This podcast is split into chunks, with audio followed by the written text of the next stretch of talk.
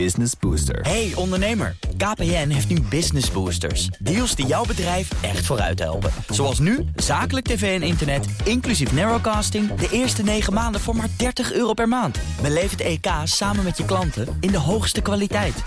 Kijk op kpn.com slash businessbooster. Business Booster. BNR Nieuwsradio. BNR breekt. Kees Dorrestein. Goed dat je erbij bent. Het programma voor opkomende opiniemakers. En voor jou natuurlijk op de Nederlandse radio. In mijn panel vandaag Anoushka Imambaks... Executive Director Venture Café in Rotterdam... en founder eh, Made at Home. Van een afstandje, goedemorgen.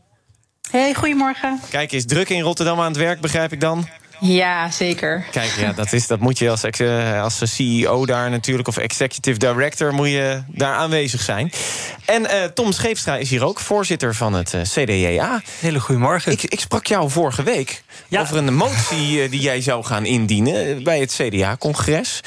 En die ging dan weer over, ehm, eh, over dat jullie de, het wilden dat het... eh, het ik kijk heel even naar techniek. Ik kreeg een beetje een galm eh, op mijn op mijn hoofd. Waar ik een beetje afgeleid van. Ah, nee, ja, die maar Wat we motie... eigenlijk hebben gedaan is ingebroken in de formatie. Hè? Want we hadden een resolutie Ja, dat het. ingebroken. Jullie hebben gewoon een resolutie ingediend over het leenstelsel. Jullie wilden daarvan af. Ja, maar het CDA kan nu niet meer in de regering stappen als dat leenstelsel niet terugkomt of eh, afgeschaft wordt. Ja, want hij is aangenomen Klopt. door het CDA-congres. Ja, met een ruime meerderheid, 70% ook. Dat, Maar dan eh, denk ik, onderhandelingen zijn onderhandelingen. Het kan er uiteindelijk toch uitonderhandeld worden door de andere partijen. Oh ja, maar dat gaat niet gebeuren. Want eh, partijbestuur heeft ook al gezegd... we leggen ons erbij neer. Ja, en gebeurt het niet, dan komen we natuurlijk op een volgend congres terug... en dan kunnen we ook niet voorstemmen voor een eh, nou ja, eventuele eh, kabinetsdeelname. Ja, dus de, dan gaat, wordt het vertrouwen opgezegd. Eh, in- ja, maar we hebben alle vertrouwen dat het gewoon goed geregeld gaat worden. Dus, dus dat leenstelsel gaat eraf als het CDA gaat eh, regeren. Precies. Oké, nou, eh, vanaf half twaalf praat ik met je over iets heel anders. Over het intrekken van de vergunning van boeren om de stikstofcrisis op te lossen. Dat is in ieder geval het plan van onze landadvocaat. Maar eerst BNR breekt. Breekijzer. Ja, je kan bellen 020 468 4 keer 0. De ziekenhuizen die kunnen het prima aan, dus de evenementen moeten voor de volle 100% doorgaan.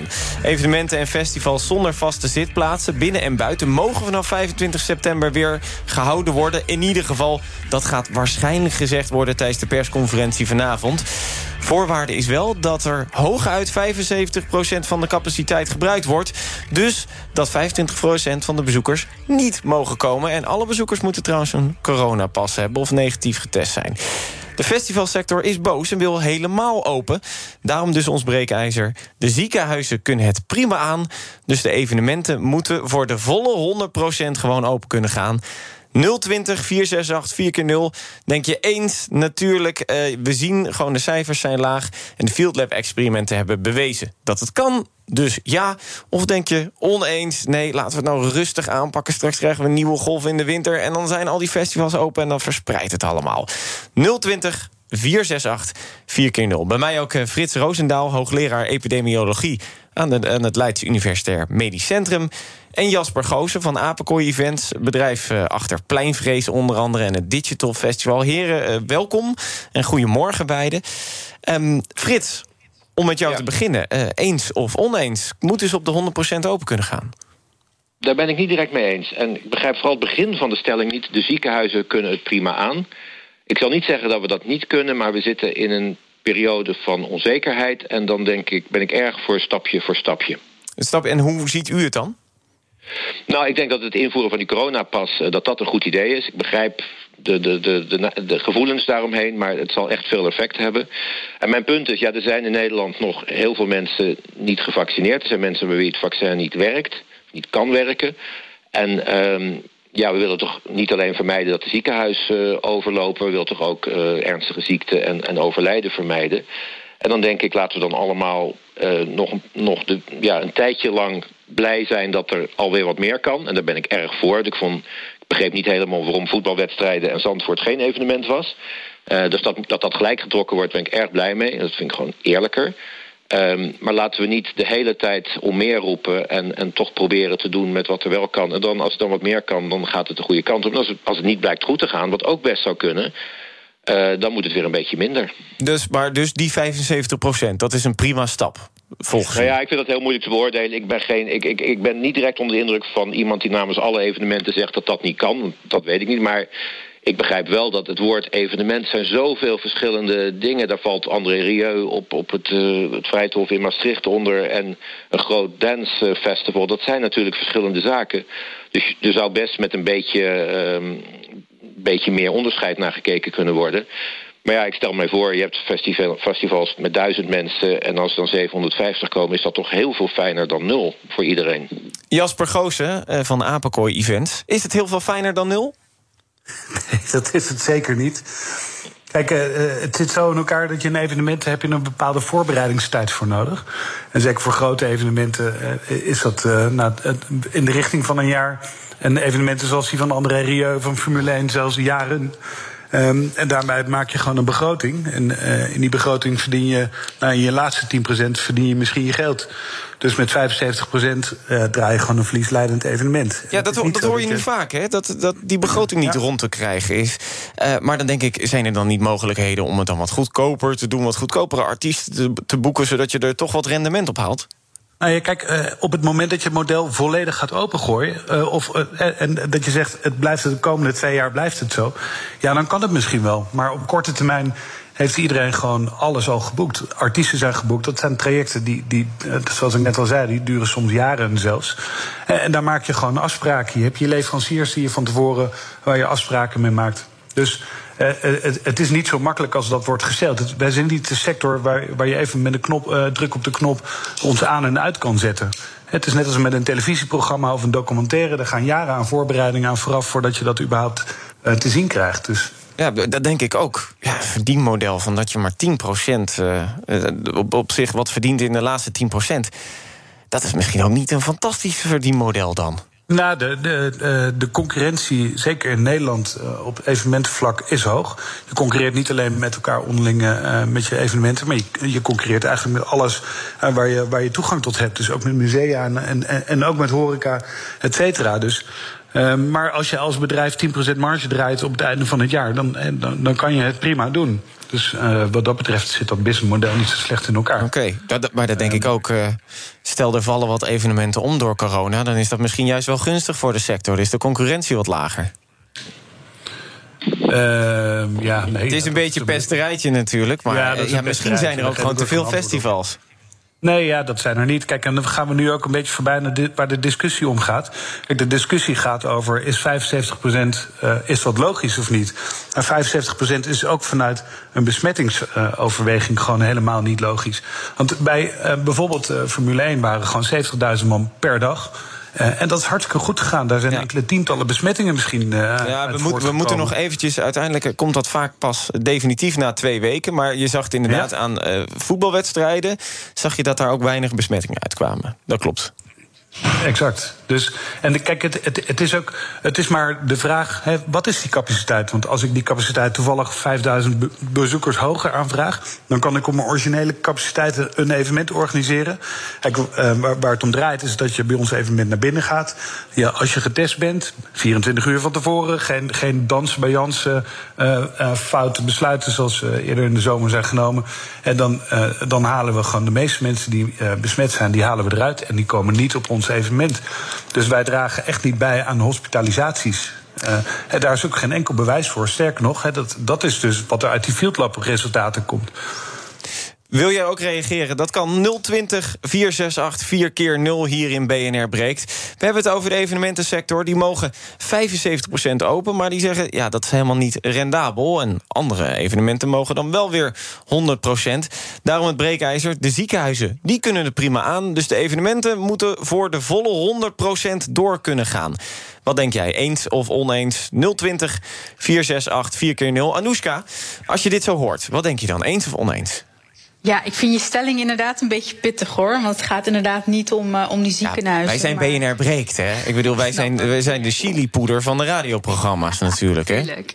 Ja, hey, maar weet je, ik, ik vind um, ja, 75% of 100%. Ik vind dat we uh, vooral moeten kijken naar um, uh, de corona-app en testen voor toegang. Ik ben gewoon niet zo'n voorstander daarvan. En als je dat, uh, als je dat wil weglaten, dus met andere woorden, iedereen gelijke rechten wil geven dan uh, vind ik het zelfs niet zo erg om uh, hè, um, op wat minder percentage te zitten. Dus dat mensen wat verder uit elkaar zitten, bijvoorbeeld. Voor mij is het testen voor toegang toch een beetje een ding. Denk dat is oké. Okay, dus die zegt eigenlijk misschien nog minder zelfs dan die 75 procent, zolang we dat testen voor toegang niet hebben. Ja, ik vind dat gewoon een andere aanpak, een ander principe. Ik vind dat hele idee van uh, die, die tweedeling in de samenleving vind ik eigenlijk veel erger. En zijn we de, dus, de festivalsector dan niet kapot aan het maken? Ja, maar dat, dat doen we al een tijdje, denk ik. En, maar ik vind het gewoon dat. Um, kijk, op dit moment ook met Venture Café. Uh, normaliter hebben we ook zo'n 350 ondernemers over de vloer. We hebben gewoon gezegd: joh, wij gaan niet, uh, uh, geen onderscheid maken. Dus dan hanteren we gewoon die anderhalf meter afstand. Dat maakt wel dat je met minder mensen hebt. Maar goed, het is wel veiliger en het is voor iedereen. weet je, gewoon gelijke rechten, gelijke kansen. Vind ik gewoon net iets belangrijker. 020 468 4 keer 0 om te reageren. Moeten de festivals op de volle 100% open kunnen gaan? Moet het kabinet dat vanavond gaan aankondigen? Je kan reageren. Uh, Tom Scheepstra. Uh, ja, ik ben het hier niet mee eens. Maar laten we eerst eens stilstaan bij het goede nieuws. Hè. Die anderhalve meter is eindelijk na anderhalf jaar weg. Ja. Je bent al toch een beetje een politicus, hè? Nou, ja, maar... kijken van, nou, laten we alsjeblieft eventjes... Nou, ik stel je een vraag en je draait hem direct en zeg maar... we moeten even eerst bij de anderhalve meter Ja, de, nou, de vorige keer dat ik hier, uh, hier zat... nou, hadden we daar best wel discussie over. Want hij gaat nooit weg. Maar twee weken later, hij is weg. Uh, dat is één. Maar twee, tegelijkertijd was uh, vanochtend ook in het nieuws dat het ziekteverzuim bij uh, zorgpersoneel 50% hoger is op dit moment dan voor corona. Dus we zien dat zorgpersoneel eigenlijk vermoeid is door die hele coronapandemie. Um, en nou ja, nu op adem moet komen. Wat we dan niet willen is dat we nu een hele grote stroop krijgen met nou ja, meer mensen die naar het ziekenhuis moeten. Juist ook omdat we vorig jaar hebben gezien dat in de herfst het besmettingenaantal toen, uh, toenam. Dus um, dan ben ik het helemaal eens wat net ook al werd gezegd, stapje voor stapje. Uh, omdat we nog verder van huis zijn. Maar stapje als... voor stapje, dan een eh, beetje als Anoushka zegt, gewoon nog minder open of helemaal nog niet open? Oh ja, uh, absoluut wel open ik ben het niet met Anoushka eens dat uh, we dat testen voor toegang niet moeten gebruiken. Ik denk dat we dat juist kunnen gebruiken, dat dat een veilige manier is. Maar uh, daarnaast ook die 75 procent. Dus niet 100, maar 75 nee, Maar dan voetbalwedstrijden krijgen wel 100, hè? Ja, en dat is. Uh, dus, dus het, het, lastige punt hè, waar het wat wringt ja, van wat zijn nu. Niet uit te leggen. Dat is, ik hoor Jasper op de achtergrond. Uh, uh, ja. Jasper Goosen van Apenkooi Event. Niet uit te leggen, waarom niet? Nee, kijk, uh, want dat is het meten met twee maten. Want dan wordt er gekeken naar de aard van het evenement. En wij zijn uh, professionals. Wij weten hoe een, een, een, een, groep mensen zich beweegt. En als je kijkt naar wat er in de catacomben gebeurt bij, bij voetbal... of wat er bij Formule 1 gebeurt... dat is niet anders dan op een festival. En toch maak je dan een onderscheid tussen die sportevenementen aan de ene kant... en, en muziekevenementen aan de andere kant. Dat, dat, dat is er ook gewoon niet. En ik vind het ook uh, eigenlijk onzin om te stellen dat wij bijdragen aan hospitalisaties. Dat hebben wij gewoon uh, bewezen in, in onze rapporten waar een TU Delft heeft meegewerkt, waar ambtenaren van, uh, uh, van verschillende ministeries hebben meegekeken. En, en dat is hartstikke duidelijk dat wij daar niet aan bijdragen. Dat, is, uh... dat het gefaseerd gaat, dat is, daar kan ik me nog iets bij voorstellen. En dan zeg je, nou, we gooien eerst de evenementen open... en dan wachten we een paar weken voordat we het nachtleven opengooien. Ik denk dat mensen dat wel zullen begrijpen om die risico's uh, in toom te houden. Maar uh, um, 75% is gewoon een wassen neus. Het is uit de lucht gegrepen. Er is geen enkele wetenschappelijke onderbouwing voor. Daar gaan we het zo meteen verder over hebben. Ik wil ook de reactie van Frits Roosendaal, onze hoogleraar epidemiologie, horen. Ik zie wat reacties binnenkomen op 0 020 468 4 keer 0. Simone die zegt eh, helemaal mee eens. Opengooien, ik heb weer zin in een festival. De besmettingscijfers zijn laag. En de Field Lab evenementen die hebben bewezen dat het kan. En ik zie ook Willem Frederik die zegt... Uh, ho ho, rustig aan. Uh, straks krijgen we een enorme golf. Lopen de IC's over. En dat willen we ook niet. Want dan krijg je code zwart straks weer... op het moment dat iedereen lekker elkaar aan het aansteken is. BNR breekt. Kees Dorrestein.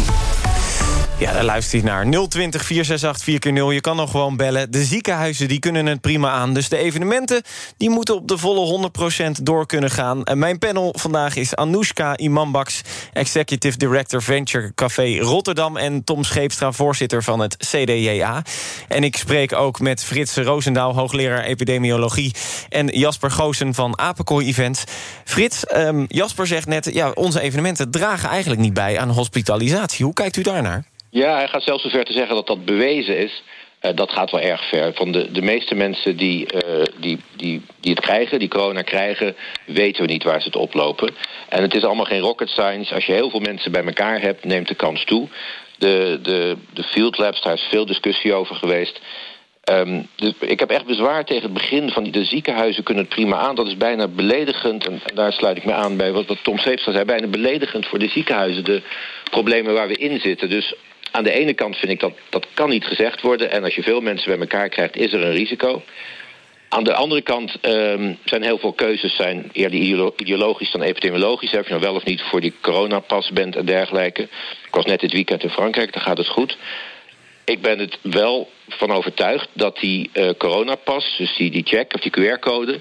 dat dat veel belangrijker is en een veel groter effect zal hebben... dan of je nou 75% of 100% vol bent. Omdat je gewoon een veel betere controle hebt. Want op zich, je zag het ja. bij festivals in België, ook Lollapalooza in Amerika... 200.000 bezoekers volgens mij. Daar kwamen uiteindelijk naar enkele honderden besmettingen uit. Dus dat is...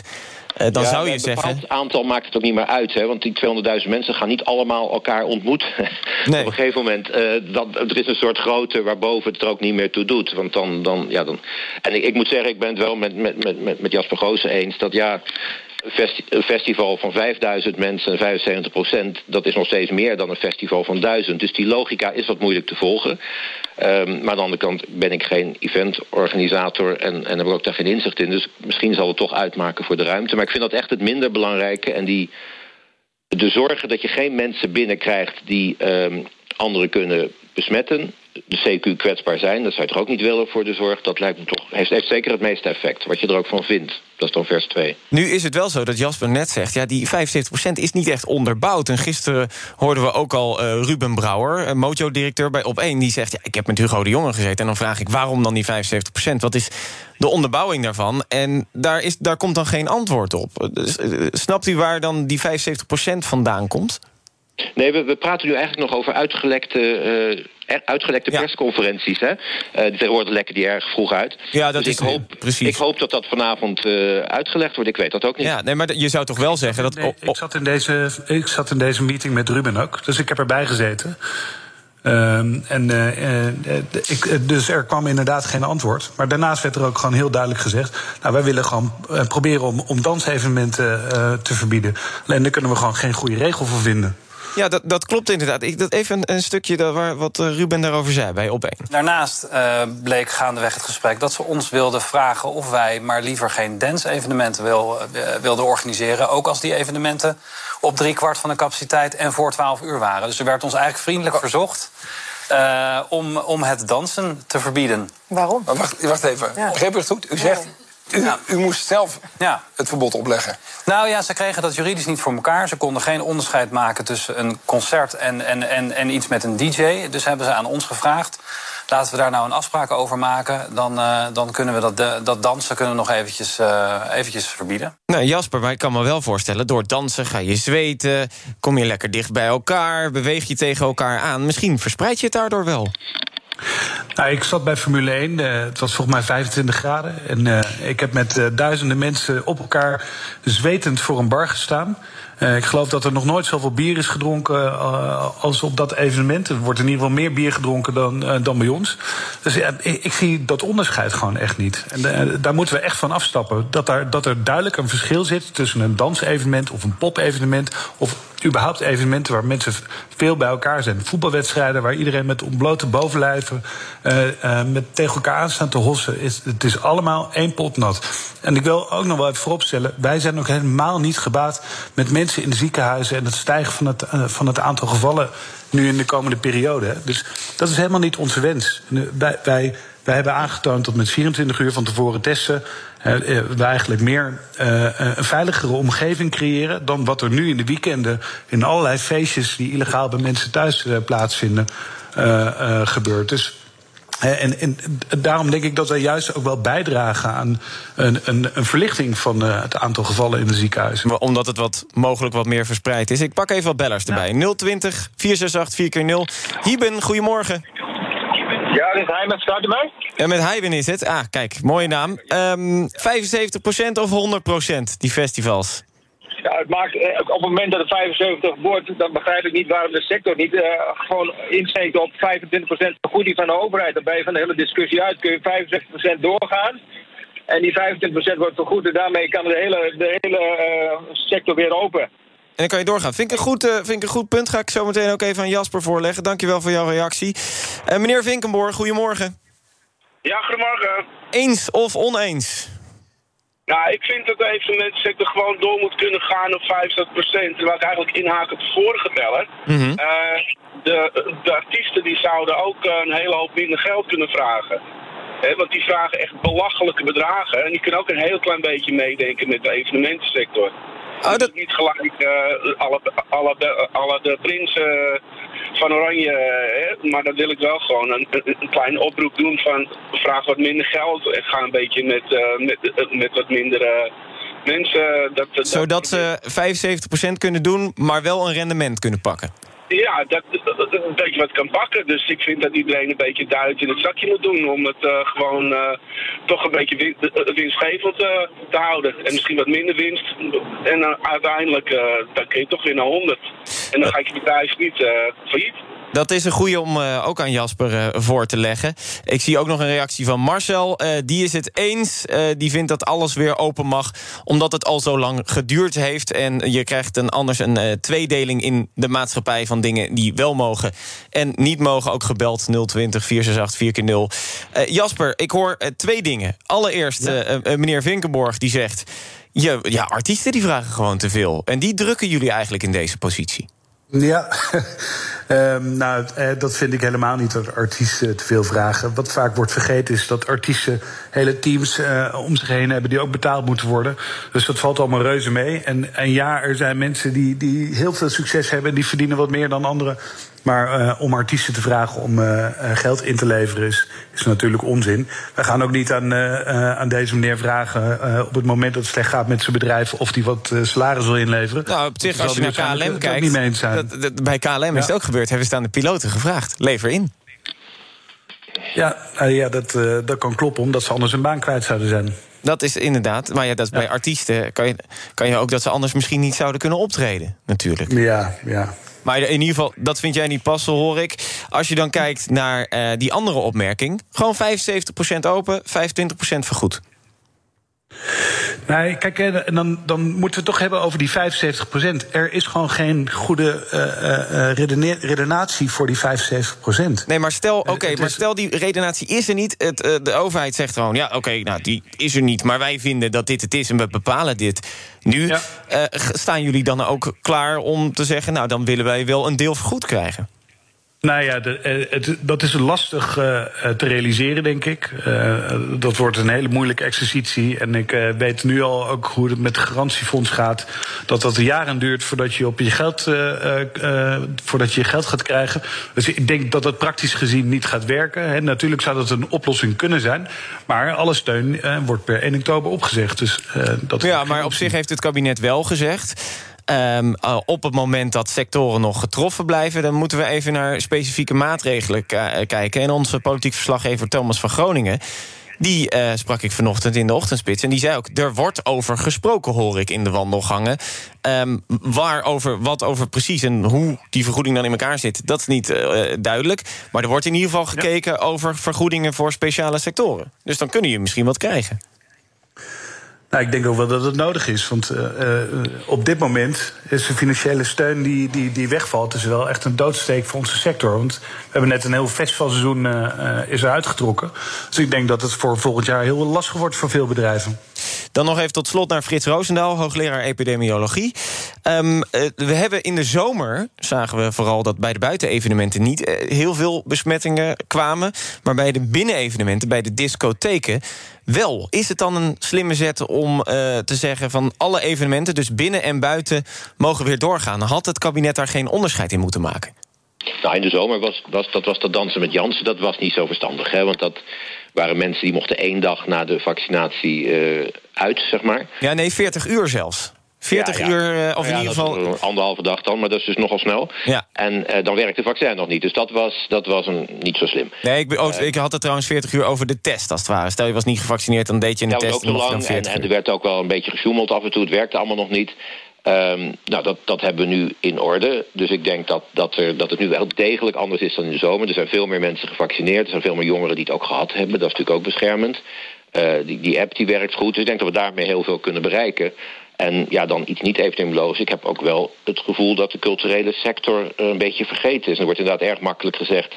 die kunnen wat minder verdienen. Maar er zit natuurlijk een hele crew omheen... en, en geluidsmensen die allemaal niet zo heel veel verdienen. Dus ik vind dat deze overheid weinig aan de culturele sector gedacht heeft... en dat dat op een of andere manier wel zou mogen. Maar ik blijf zeggen dat een, een, stapjesachtige opengaan... Uh, mij een veiliger gevoel zou geven. Frits Roosendaal, hoogleraar epidemiologie aan het Leids Universitair Medisch Centrum. En Jasper Goosen van Apenkooi Event. Dank jullie wel dat jullie even beschikbaar waren. Um, ik praat zo meteen met mijn panel voor uh, verder over het plan van de landsadvocaat om vervuilende boeren, lees stikstof, hun vergunning te ontnemen. En want zo los je supersnel het stikstofprobleem op. Dat moet vast wel wat tongen losmaken. Want zeker, ik heb een CDA. Oh ja, absoluut. Dit is echt een ideoplan. Oké, okay, nou, dan gaan we zo even horen waarom je dat vindt. Na de reclame en het laatste nieuws. Business Booster. Hey ondernemer, KPN heeft nu Business Boosters. Deals die jouw bedrijf echt vooruit helpen. Zoals nu, zakelijk tv en internet, inclusief narrowcasting... de eerste 9 maanden voor maar 30 euro per maand. Beleef het EK samen met je klanten in de hoogste kwaliteit. Kijk op kpn.com slash businessbooster. Business Booster. BNR Nieuwsradio. BNR breekt. Kees Dorrestein. Goed dat je er nog steeds bij bent. Ik breek jouw ochtend samen met mijn opkomend opiniepanel. Jonge, nou relatief jonge opiniemakers, maar in ieder geval mensen met een frisse mening. Anoushka Imambaks, Executive Director Venture Café in Rotterdam, op een afstandje. En Tom Scheepstra, voorzitter van het CDA hier in de studio. Um, uh, Anoushka en Tom, ik wil direct eventjes met iets over jullie hebben... want er komt nu net breaking nieuws binnen vanuit de Gezondheidsraad. Die adviseert namelijk om toch die derde prik te geven. Die boosterprik, waar uh, we het ook in andere landen zien we dat ook... dat, dat mensen die krijgen. Uh, mensen die een ernstige afweerstoornis hebben...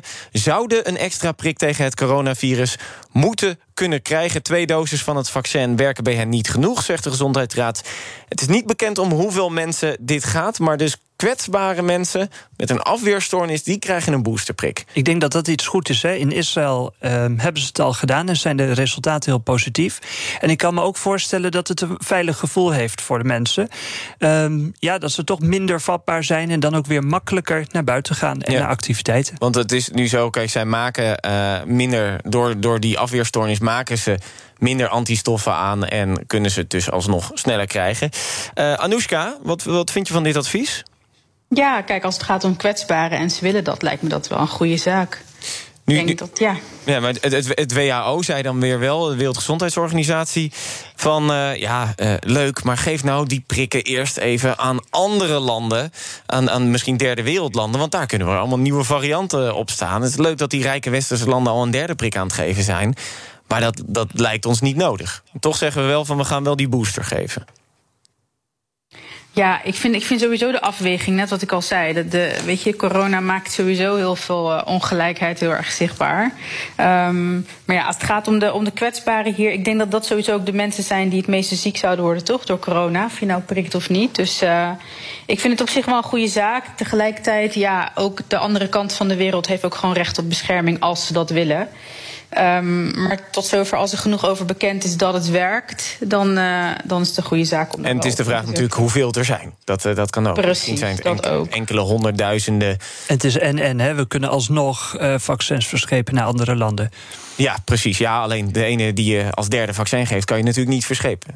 Klopt. Maar ehm, hè, als de economie ook weer open gaat. ehm, en we dus ook minder hoeven te bezuinigen. kunnen we ook weer meer geld richting ontwikkelingssamenwerking sturen. Ja, dat dus, is. Is maar net hoe je het bekijkt. Precies. Eh, we gaan het over iets anders hebben. De stikstofcrisis kan opgelost worden. Maar dan moeten de vergunningen van boeren ingetrokken worden. Dat staat in een advies van landsadvocaat Hans Besselink van het ministerie aan het ministerie van Landbouw. Schrijft het AD over vanmorgen. Bij het intrekken van de vergunning moeten veehouders zo goed als meteen stoppen met boeren, zegt hij. Terwijl dit bij onteigening jaren kan duren. En de vergoeding die kan vervolgens later berekend worden. Want er moet natuurlijk wel een vergoeding tegenover staan. Tom, jij trok net al een beetje wit weg in de studio. Ik vind dit echt idioot. Hè? Laten we eh, vooropstellen dat de klimaataanpak en, en ehm, dat we daar echt stappen in moeten zetten en dus minder stikstofuitstoot. Eh, daar zijn we als CDA of CDA ook volledig mee eens. Ja, als je, Maar als je het dit niet teruggaat, teruggaat, kan je ook niet bouwen. hè? We hebben net een bouwprotest. Maar het verplicht onteigenen, dat is echt een stap te ver. We zien dat eh, de sector het al hartstikke zwaar heeft. Dat, ehm, Maar dit is niet eens het verplicht onteigenen waar we het over hebben gehad. Dit is ook echt het, de, gewoon de vergunning Ja, dit gaat echt nog een stap verder. Hè. Men kan ook niet eh, in verweer. Het is per direct sluiten. Ja, dat is, dat is ongelooflijk. Stel je voor hè, wat het met de boeren doet. Die zo hun best doet. ehm, omdat we al een van de meest geavanceerde eh, boerenbedrijven in de wereld hebben. Dus als je het vergelijkt met andere landen, is die uitstoot al minder. Nou, dan ga je het ook nog eens verplichten. We hebben al protestacties gezien. Ja, nu, Nou, kijk, ik, ik ben, ik ben een boerenzoon. eh, Dus ik heb een hart voor het boerenland. Maar ik weet ook dat eh, het grootste gedeelte van wat wij maken in Nederland qua eh, productie, dat is voor de export. We zijn de tweede landbouwexporteur ter wereld na Amerika. Ja, nou dat ja, zegt ook wel wat. En nu spreek je tegen een boerenkleinzoon, maar... Gaan we elkaar nu overtoepen? Oh nee, absoluut niet. Maar ehm, kijk, ook bij de boeren is echt wel besef dat de uitstoot minder moet worden. Ehm, Alleen zien wij een andere oplossing. Ga met de boeren in gesprek. Ehm, ga dan hebben over eh, stappen, over eh, verkoop naar de staat. Daar zijn echt oplossingen voor. Maar om het nu verplicht per direct te sluiten, ehm, nee, dat is echt een brug te ver. Anoushka, hoe kijk jij ernaar? Ja, ik vind het ook echt heel eh, te gek voor woorden. In die zin dat hè, je pakt iets af. Met andere woorden, je kan niet meer ondernemen. Ik vind dat wel heel heftig, ja. Maar ook als je er gewoon goed voor gecompenseerd wordt? Ja, ik, dat, het is gewoon alsof je. ehm, het, het gaat ook om een keuze. Ehm, en ik vind gewoon, ja, het zijn gewoon ondernemers. En je kan niet zomaar even beslissen om iets af te pakken omdat ze niet willen meewerken. En omdat je er geld voor krijgt, is het dan goed? Nee, ik vind het gewoon niet kunnen. En eh, nu zegt eh, minister eh, Schouten van Landbouw, demissionair minister... die zegt we moeten boeren perspectief geven. Op het moment dat je zo'n boer perspectief geeft... zou het dan wel kunnen? Weet je wat, wat ik me eens afvraag, maar dit gaat weer even hè, de discussie misschien iets te ver. Maar het, het gaat om stikstof. Hè. Volgens mij moeten we ook even kijken naar alle andere mogelijkheden om dat probleem eh, eh, terug te dringen. In plaats van continu maar die boeren lastig te vallen. En kijk, voor mij zijn het gewoon ondernemers. En ik vind dat eh, op, op die manier ook gewoon met hun moet worden omgegaan. En als er een keuze is, tuurlijk, ieder voor zich als ze dat willen. Maar ehm, iets afpakken. nee, het gaat gewoon te ver. Nu is het wel zo dat eh, wat betreft de stikstofproductie... zijn de boeren wel verreweg de grootste stikstofproduceur... van, eh, producent van, eh, van Nederland natuurlijk. Dus het, het lijkt wel duidelijk dat we er iets mee aan moeten. Ja, wel iets, maar dat wil toch niet zeggen op deze manier. Nee, denk het op denk je dat het uiteindelijk met praten lukt? Want ze hadden natuurlijk een soort van uitkoopregeling. Hé, daar kon je op reageren. Maar er hebben toch minder mensen op gereageerd... dan dat ze gehoopt hadden. Ja, dan moeten ze maar op een andere manier een aanpak verzinnen. Ik geloof echt niet dat alleen maar de boeren, weet je, dat dit de, de heilige oplossing is van alles. Echt niet. En hè, zelfs het CDA heeft gezegd: ehm, we, we moeten hier stappen in zetten en die stikstof moet minder. En dat betekent dus misschien ook minder boeren. Ons Kamerlid is de afgelopen maanden naar honderden boeren gegaan. En inderdaad, daar is wel de reactie. We zijn best wel bereid om ehm, een stapje terug te doen. Maar dan Of, gaat of het ook om te verhuizen misschien naar Ook, betere regio's ja. in Nederland. Misschien eh, te zeggen van nou, wij zijn, nu de laatste generatie hè, van dit boerenbedrijf. Maar dan gaat het wel op de manier waarop en welk perspectief je biedt. En als je dat nu eh, gaat bepalen van bovenaf.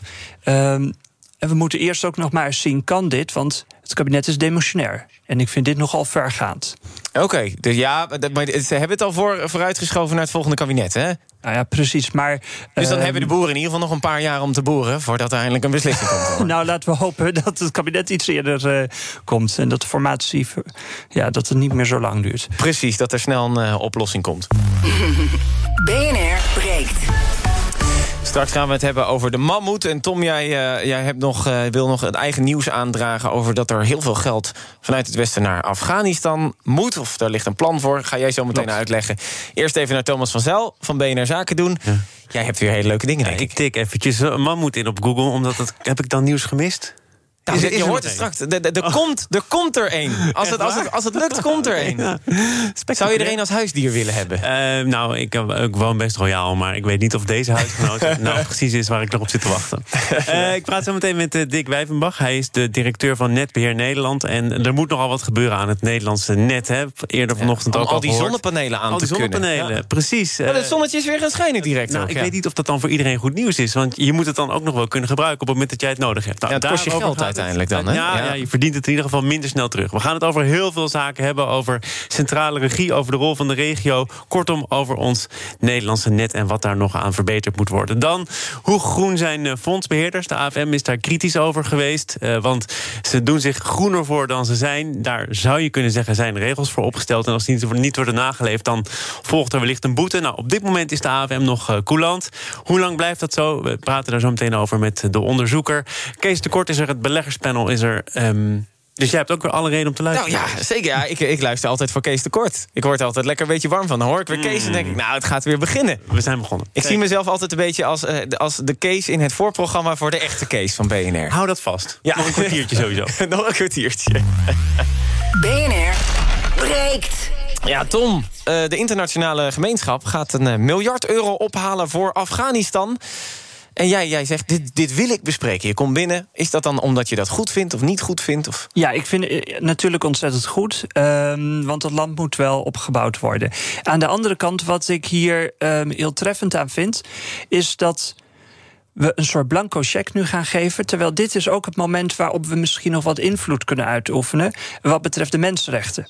Want de eerste geluiden uh, zijn natuurlijk. Ja, vrouwen mogen niet meer naar de universiteit. Precies, of zitten dan gescheiden, uh, moeten weer bedekkende kleding dragen. Uh, er wordt nou ja, een soort jacht gemaakt van nou, wie heeft meegeholpen met het Westen. Dus jij ziet geopolitieke euro's? Nou ja, absoluut. Ik denk dat we daar echt als Europa, als Nederland ehm, of als nou ja, Westen, ook met de Verenigde Staten, wel iets hardere vuist op tafel mogen. Uh, maar denk je dat een miljard genoeg is om toch een beetje onze zin te krijgen? Ja, nou, uit onderzoek blijkt dat uh, toch een half miljard voor acute noodhulp uh, nodig is. Dus dan zou ik zeggen, een, een miljard is, is zeker genoeg. Um, maar ja, gebruik het dan om toch wat geopolitieke invloed nog te houden wat betreft die ja, mensen. Maar gaat het dan naar de regering van de Taliban? Of zeg je toch allemaal naar non-profits die het dan daar aan het uitgeven zijn? Um, ja, wat we moeten voorkomen is dat het weer in de zakken van de Taliban en dan uiteindelijk naar wapens gaat. Um, aan de andere... Ik dacht dat ze al aardig wat wapens van de Amerikanen hadden. ja, nou ja, dat is dus het hele uh, punt. Hè. Daarna hebben we eigenlijk niks meer gehoord van het Westen uh, hoe we hiermee om moeten gaan. Um, Kaag is naar het Midden-Oosten gegaan, maar ook daar is niet een nieuw leiderschap van uh, ja, maar, gekomen. Kan Nederland nou echt potten breken tegen Alleen Nederland niet. Alleen als we het doen in Europees verband, als we het doen in NAVO-verband, dan hebben we echt toch wel uh, in de melk te brengen. maar stel ze zeggen: oké, okay, dat is goed, we passen de mensenrechten wel aan, hebben ze het geld. Is dat nou, nog dat is geen fantastisch. Maar dan, maar dan, dan alsnog, ja, hoe weten we dat ze zich eraan gaan houden? Kijk, dat is het ingewikkelde. Uh, aan de ene kant zul je toch betrekkingen moeten, uh, ja, moeten gaan opstarten. Uh, aan de andere kant, ja, ik denk dat dit stap voor stap is. Um, dus een beetje in, in potjes uh, geld, als het ware. Niet in één klap. Nou ja, je geeft iets en je wilt er ook iets voor terug hebben. Anoushka, wat vind je van dit plan? Ja, ik vind het een goed plan. Ik heb ook begrepen dat een deel van het geld ook wordt uh, gegeven aan uh, buurlanden waar uh, gevluchte Afghanen zeg maar, worden opgevangen. Dus dat vind ik ook wel een goeie, dat ook daar naar wordt gekeken. Wat zijn jullie het verschrikkelijk met elkaar eens vandaag? Oh jee, dat hebben we niet afgesproken. nee, dat, dat snap ik ook wel, inderdaad. Um, Anoushka, jouw nieuws dan, want jij wilt het hebben over Abu Talib. Oh ja, onder andere nou, over Rotterdam natuurlijk. Hè. Ik uh, moet Rotterdam natuurlijk altijd promoten, of dat vind ik. Ja, dat is goed. Uh, de, de, de, de, studio staat in Amsterdam, maar dat betekent niet dat we geen aandacht hebben voor Rotterdam. Hè? Dat Daarom. Ik, ben, ik breng altijd Rotterdam met me mee. Dus um, hè, Abu Talib is uh, gekozen tot de beste burgemeester van de wereld. Dus dat moet even gezegd worden. En daarnaast wil ik ook even een, een shout-out doen dat we volgende week in Rotterdam een heel gaaf festival hebben. Het Upstream Festival. Wat echt de plek is voor uh, alle start-ups, scale-ups, um, investeerders. Alles uh, gaat over toegang tot kapitaal, ondernemerschap, innovatie. Um, en dat vind ik gewoon mooi in deze tijd, weet je, dat we ook nog gewoon uh, toffe, toffe dingen kunnen doen om innovatie en ondernemerschap in Nederland ja. te stimuleren. Dus volgende week in Rotterdam een hele week. Dus ja, Rotterdam is gewoon de place to be. Hè. We hebben een gave burgemeester. Komt hij ook een of prachtige niet? stad. Komt hij ja, naar dat festival? Tuurlijk. Tuurlijk. heb jij dat persoonlijk geregeld? Nee, dat weet ik niet eigenlijk. Ik Oh. zeg het alleen maar. Wat een bluffpoker, zeg. Nou, uh, uh, Tuurlijk. Nee, burgemeester Abu Taleb, als u nu luistert, u bent van harte uitgenodigd. Ik is altijd van harte welkom. Nee, maar echt, Rotterdam eh, doet het ontzettend goed. En dat wil ik toch even gezegd hebben. Ja, dat, nou, ik, ja, kijk, ik, eh, ik snap het wel. Ik vind het wel mooi dat uh, Meindert Schut, de presentator van eh, Ochtendspits... eh, die, eh, die zei ook van, heeft Rotterdam eindelijk een keer een prijs? Wat vind je dan van zo'n reactie? Niet zo jaloers doen. Nee, dat, precies. Ja, misschien moet Femke Halsema nog even wat jaartjes eh, eh, de, de ketting dragen... om, eh, om ook kans te, te maken. Want je wordt genomineerd door de bewoners van de stad zelf... Hè, om dit te worden. Ja, maar ja, en het is natuurlijk, weet je, we wisten altijd al dat het gewoon een goede burgemeester is. En dat is hij natuurlijk al jaren. Maar ik vind het toch wel een, een extra sausje, weet je, namens hè, Zou, zou, zou je dan niet een goede premier zijn eigenlijk? Ehm, weet ik niet. Ik vind ik toch wel weer een andere taak, hoor, eerlijk gezegd. maar dat ik vind het een stad besturen toch echt wel anders dan een land besturen. Ja, dat zeg hebben we ik ook- als bestuurskundige, hoor. Ik bedoel, ik, eh, hè, niet dat ik... eh, ja, ik vind het iets anders. het wat zijn? Nou ja, we hebben het gezien bij Job Cohen. Hè. Die was een hartstikke goede burgemeester. Volgens mij stond hij ook een keer op zo'n lijstje. Maar in de Tweede Kamer ging het mis. Dus ehm, ja, dan zou ik zeggen, blijf vooral in Rotterdam. Want daar doet hij het eh, perfect. Ja, daar gewoon ook, hij verdient die prijs? Ja. World, World Oh ja, absoluut. Ja. Of eh, nou een andere partij is of niet. Maar hè, we hebben nu juist ehm, verbinders nodig. Mensen die boven partijen staan. En ik denk dat hij daar eh, ontzettend goed mee bezig Ja, is. maar dat, dat zou hij eigenlijk tegenwoordig hebben we wel een verbinder nodig om Ja. een kabinet te vormen. Ehm, nou ja. Maar, maar misschien hebben we Vraag daar de Partij aan- van de Arbeid misschien een Remkes, minister. eh. eh, ja, misschien, misschien dat. We gaan naar het trending nieuws. Wat is er op dit moment gesprek van de dag op Twitter en eh, op andere social media? Nou, onder andere de coronapas. Sinds gisteren staat hij bovenaan in de trendinglijsten. Vanwege de persconferentie van vanavond. Om 7 uur hoor je die op BNR en hoor je of die er ook echt komt. Urk is trending vanwege de jongeren die in nazi-kledij rondliepen. Daar zijn mensen boos over. De landsadvocaat is trending natuurlijk. Vanwege zijn plan voor de landbouw om stikstofuitstoot te verminderen. En Louis van Gaal, onze bondscoach, is trending. Want bij Comedy Central hebben ze een fragmentje gemaakt... over hoe Van Gaal eigenlijk de perfecte formateur is... om met Rutte in gesprek te gaan. Louis van Gaal begint vandaag als informateur. De Tweede Kamer wil dat hij probeert om de vastgelopen formatie vlot te trekken. Ik formeer een andere eh triangle. Vandaar dat ik dat systeem ook drie eh, noem. Louis, het is soms heel ingewikkeld, sorry. Rutte, jij hebt er helemaal geen verstand van. Ben ik nou degene die zo slim is, of ben jij zo dom? Wat zei je, sorry? Fuck you. Nou, leuk. Tot eh, snel. Nou, als Dat hij het niet... eh, zijn, ja, toch? precies. Als, Remkes, als het Remkes niet lukt, dan, dan sturen we gewoon. Van Gaal. Lijkt me helemaal goed. Tot slot nog een bijzonder onderzoek. Want Amerikaanse wetenschappers die willen een wolharige mammoet weer tot leven wekken. Dat schrijft The Guardian.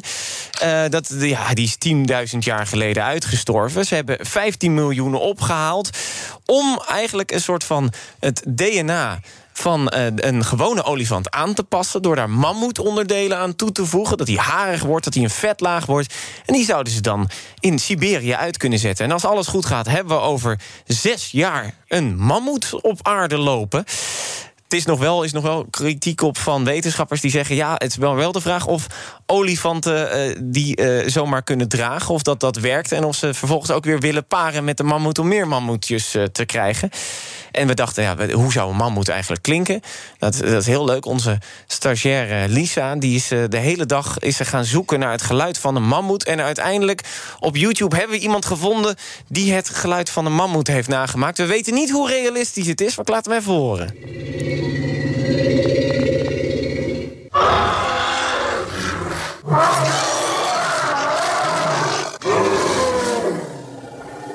Klinkt, klinkt eigenlijk als eerst alsof een, een Peugeotje niet wil starten... en vervolgens over een leeuw heen rijdt of zo. Heel apart. Het is een apart, eh, apart geluid. We weten dus niet of wat het... zwaarder verwacht. Wat zwaarder? Ja. ja, want een olifant is eigenlijk ook al best eh, zwaar. Wat vind je van dit experiment, eh, Tom? Het zou toch wat zijn hè, als ze gewoon weer over de aarde rondlopen. Ehm, aan de andere kant denk ik wel van... waar gaat het eindigen? Hè? Als dit het begin is... ehm, gaan we dan ook weer andere diersoorten eh, tot leven wekken? Jurassic Park. Nou ja, ik, ja The Night at the Museum, hè, daar moest ik ook aan denken. Ehm, en hè, gaan we dan ook weer nou, meer eh, experimenteren of nou, ja, beter maken van menselijke genen? En daar ben ik iets terughoudender in. Dus ehm, Qua, ja, een, Een, een beetje voor en een tegenstand. Ja, dus qua dieren misschien wel, maar qua mensen niet. Nou ja, en, maar dan ook weer bij dierenwelzijn. Hè, wil je dat aandoen? En als we eigenlijk zeggen dat hè, we nog niet helemaal weten van de olifanten. Nou, doe voorzichtig. Doe voorzichtig. Eh, Anoushka, maar moet je hem wel of niet? Ja, ik, ik vind hem lastig. Ik vind het wel mooi, weet je, dat het, dat het ehm, eh, allemaal wetenschappelijk mogelijk is. Maar kom op, weet je, nu even een, een hybride olifant, mammoet op de wereld zetten. eh, op een wereld die wij trouwens al hebben verpest. Ik vind het een beetje een omgekeerde wereld. Hij is niet voor niets uitgestorven, hè? Nee, de, de, de onderzoekers zeggen dan wel... we willen hem een beetje kweken met een eh, Aziatische olifant. Want die zijn ook op, een beetje op het punt van uitsterven... en zo houden we die olifant ook in leven. Is dat dan toch een nobel streven of toch een beetje genetisch gemanipuleerd? Nee, het is zwaar genetisch gemanipuleerd. Maar nogmaals, weet je, wij verpesten de aarde en dan gaan we dit soort dingen kweken. Ja. En geen geen Nee. kleine schattige mammoet in de tuin? Nee, nee, dank je. Nee. Nee? Nou, nee. helaas, ik kan je niet overtuigen. Anoushka Imanbaks, Executive Director van Venture Café in Rotterdam, dank je wel. En Tom Scheepstra, voorzitter van het CDA, dank je wel. Morgen een nieuwe BNR breekt. Je weet het, op Twitter gaan we verder, BNR. En natuurlijk als podcast in de BNR-app. En Kees de Kort staat al te trappelen... dus ik ga ruimte geven aan Thomas van Zel met BNR Zaken doen... na het laatste nieuws en de reclame. Business Booster. Hey ondernemer, KPN heeft nu Business Boosters. Deals die jouw bedrijf echt vooruit helpen. Zoals nu, zakelijk tv en internet, inclusief narrowcasting... de eerste 9 maanden voor maar 30 euro per maand. Beleef het EK samen met je klanten in de hoogste kwaliteit. Kijk op kpn.com slash businessbooster. Business Booster.